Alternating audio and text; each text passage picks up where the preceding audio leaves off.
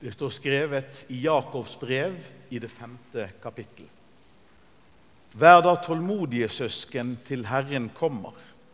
En bonde må vente på den dyrebare grøden fra jorden og være tålmodig til høstregnet og vårregnet har falt. Også dere må være tålmodige og gjøre hjertene sterke, for Herren kommer snart. Slik lyder Herrens ord.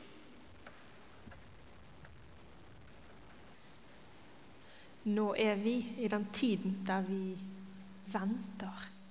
Vi venter på jul.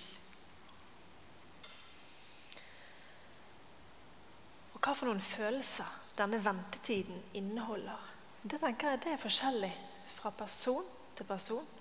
Og det er kanskje til og med forskjellig fra år til år. Og man gleder seg og ser fram til noe eller om man gruer seg til noe. Eller kanskje man gjør begge deler. Kanskje dette er et år der man har noen man savner. Eller kanskje er man urolig fordi man skal være sammen med noen som det ikke er så lett å være sammen med. Noen føler kanskje at det skjer for mye i julen. Det blir stress. Mens andre syns det skjer for lite. Noen savner hverdagslivet sitt og kan ikke vente på januar. Mens andre gruer seg til at juledagene er over. Og alle ting kan bli litt sånn ekstra sterke i sånne dager der alt liksom bare skal være glede og snop og julepysj. For livet tar jo ikke pause i julen. I teksten så hørte vi om å vente. Å være tålmodig og vente på den rette tiden. Og det har vi alle erfaring med. Masse erfaring. For det er vel egentlig sånn faktisk at vi tilbringer veldig stor del av livet med å vente. Jeg vet når jeg var liten, og jeg tror det er ganske mange som har den samme erfaringen. Å, vi ventet. Vi ventet på 17. mai. Vi ventet på påske med påskeegg. Og man ventet på bursdagen sin. Der ventet man veldig. Og så ventet man på jul. Jeg husker, jeg var liksom jeg tror ikke de var så fantastiske, disse feiringene, egentlig, men jeg husker denne følelsen av at det var nesten helt elektrisk. Det var så spennende. Og så blir man så stor at man venter på å få begynne på skolen. Så nå begynner du på skolen. Så venter du på at du blir så stor at du kan begynne å studere det du vil studere. Og når du studerer, så kan du ikke vente med å bli ferdig, sånn at du kan begynne å jobbe. Når du endelig har fått jobb, så venter du på sommerferien. av og til så venter vi ikke på noe godt. Vi venter på at noe skal gå over. Eksamen, f.eks. Eller kjærlighetssorg. Det eneste som hjelper på kjærlighetssorg, det å vente. Eller man er syk og venter på å bli frisk. Og når alt er bra Hvis man er sånn anlagt at man er litt sånn glasset halvtomt-type, så kan det jo til og med hende at man begynner å vente på at noe skal skjære seg. Og jeg tenker Alle mennesker vet mye om venting. Men det finnes en helt spesiell type venting. Det å vente på et barn. Uansett hvor glad man måtte være for dette barnet. I den ventingen så finnes det òg usikkerhet. Å ikke kunne vite hvordan det hele blir. Ikke egentlig kunne planlegge noe særlig være utlevert til naturen og bare måtte ta det som det kommer. Om det er masse glede, så er det òg uro, og det er spenning. Noen her har opplevd å vente på et barn og vet hvordan det er. Men alle her har vært et barn som noen har ventet på. Du har vært noen ventetid. Vi kjenner fortellingen om det som skjedde sånn ca. år null i Betlehem. Vi vet at Maria ventet på et barn. At folket, som hadde harde og brutale ledere, ventet på en forandring. Og alle ventet på at Gud skulle gripe inn. Men de visste ikke nøyaktig hva de hadde i vente. Maria skulle få sitt første barn. Og alle vi som har ventet, eller blitt ventet på, vet at det er en betydelig ting i et menneske sitt liv. Det er et før og et etter at et barn er født. Vi har trolig hørt vår egen historie mange, mange ganger. Hvordan det var når du ble født. Og som gravid og som nybakt forelder så blir man bitte lite grann besatt av fødehistorier. Man får et intenst behov for å høre alle historiene. Og etterpå så har man et intenst behov for å fortelle og fortelle og fortelle hvordan det var. Fordi det er så omveltende. Både fysisk og psykisk. Og det er jo i vår trygge del av verden kanskje noe av det mest risikable vi er med på i løpet av livet. Enten du er babyen eller du er moren. Og Maria var ung. Hun var trolig yngre enn alle her. Hun var førstegangsfødende. Hun hadde ikke gjort dette før. Hun hadde ingen egen erfaring med å vite at dette kom til å gå bra. Og Hun levde i en verden der den brutale realiteten var at hvis det ble komplikasjoner, så kunne mor og eller barn dø. Sånn var det. Og hun hadde nok hørt alle historiene. Trolig mistet familiemedlemmer og bekjente i fødsel. Det var ganske vanlig. Og nå var hun i Betlehem. Hun var ikke hjemme med kvinnene i familien rundt seg. Hun var ute på reise. Uten noe annet valg enn å måtte håpe på det beste. Sånn som alle kvinner alltid har måttet.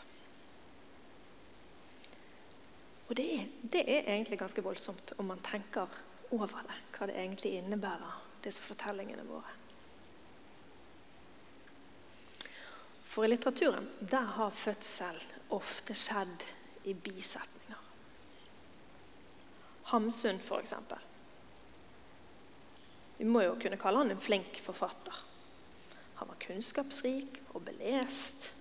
Og han skriver om fødsel som om det er en helt bagatellmessig sak. En sånn der damegreie som går fort over. Ja. Han har med andre ord ikke gjort så mye research på akkurat det der.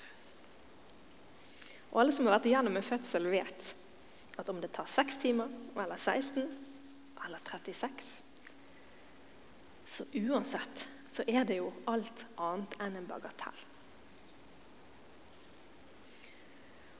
Lukas han gjør jo litt det samme i juleevangeliet, gjør han ikke? Hele fødehistorien i mindre enn 20 år. Hun fødte sin den førstefødte, svøpte han og la han i en krybbe. Ferdig. Altså Jeg vet jo at Lukas var mann. Og barn av sin tid. De var, de var litt sånn Æsj, kropp, kvinnegreier.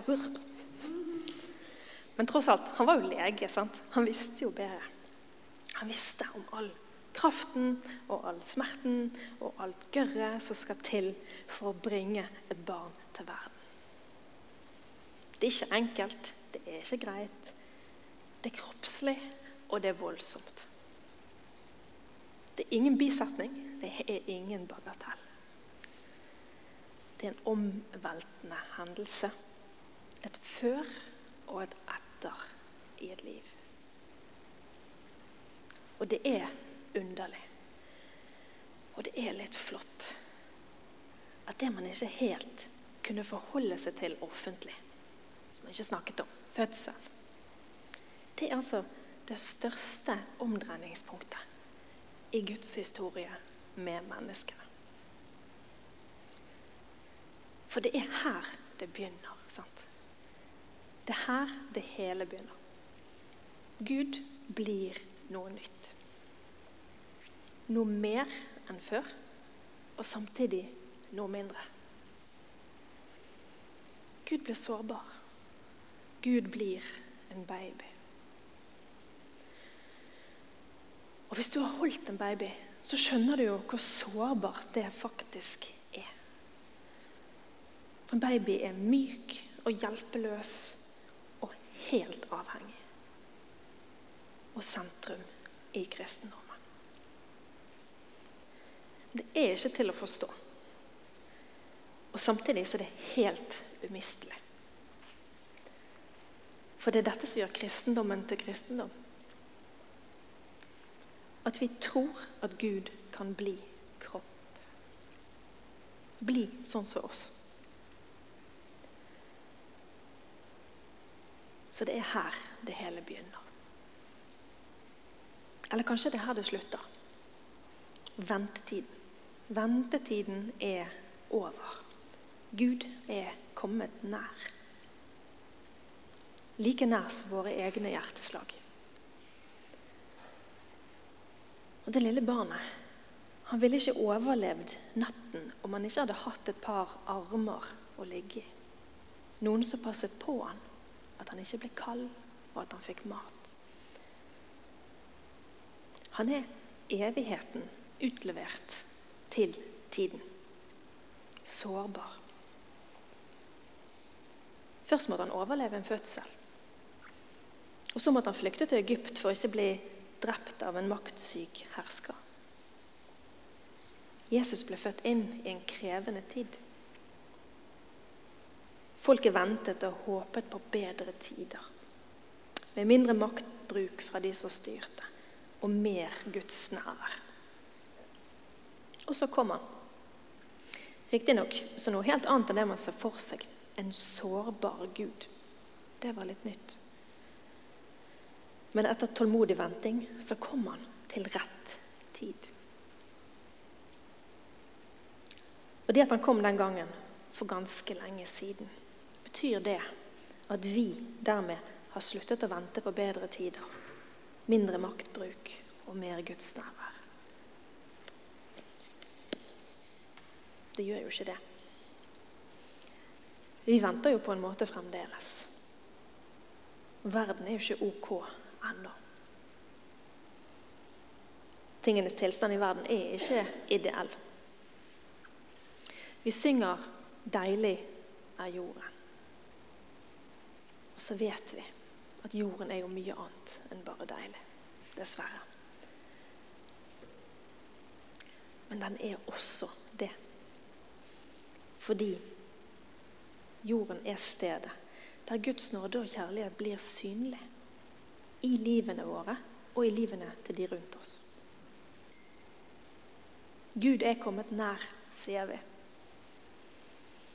Guds kjærlighet til menneskene har brutt fram. Det feirer vi i julen. Og Samtidig så venter Kirken ennå på at Jesus skal komme tilbake. Det er det store bildet. De store fortellingene som tegner en himmel over de litt vanligere og alminnelige livene våre. For ventetid i livet det dreier seg jo ikke alltid om de største tingene. Vi venter på alt mulig. Vi venter på eksamensresultater. Vi venter på en melding fra noen. På et søknadssvar. På et bønnesvar. Kanskje på et prøveresultat. Kanskje noen venter på drømmemannen. Vi venter på alt mulig. Vi venter på alt som kommer, både det vi gleder oss til, og det vi gruer oss til. Alt det som til sammen er et liv. Og Det at vi ofte venter, betyr forhåpentligvis ikke at vi alltid mentalt befinner oss i framtiden. og ikke setter pris på nåtiden og på øyeblikket. For det kan jo bety at vi alltid har noe å glede oss til. At som regel finnes noe lite eller noe stort å se fram mot. Eller hvis du ikke klarer å glede deg, så kan det gode være at det finnes noe der framme som akkurat du kan bidra med. Mennesker som trenger deg. Bra ting som kommer til å ligge klare, og som du kan gå inn i. Vi kan kanskje føle oss små og alminnelige, men vi er mer enn det. Vi er viktige, hver på vår plass. Din fødsel er et før og et etter i noen sitt liv. Og det er veldig, veldig stort. Våre ting kan virke små, men de er ikke nødvendigvis det. De er en del av det livet som Gud har skapt oss til å leve. I lyset av den store fortellingen. Og det gode og det vakre, det lever midt i og ved siden av verdens grusomheter. Så det å se og holde fast på alt som er godt, alt vi gleder oss til, og kjempe for det, det er viktig. Jo mørkere ting er, jo viktigere er det.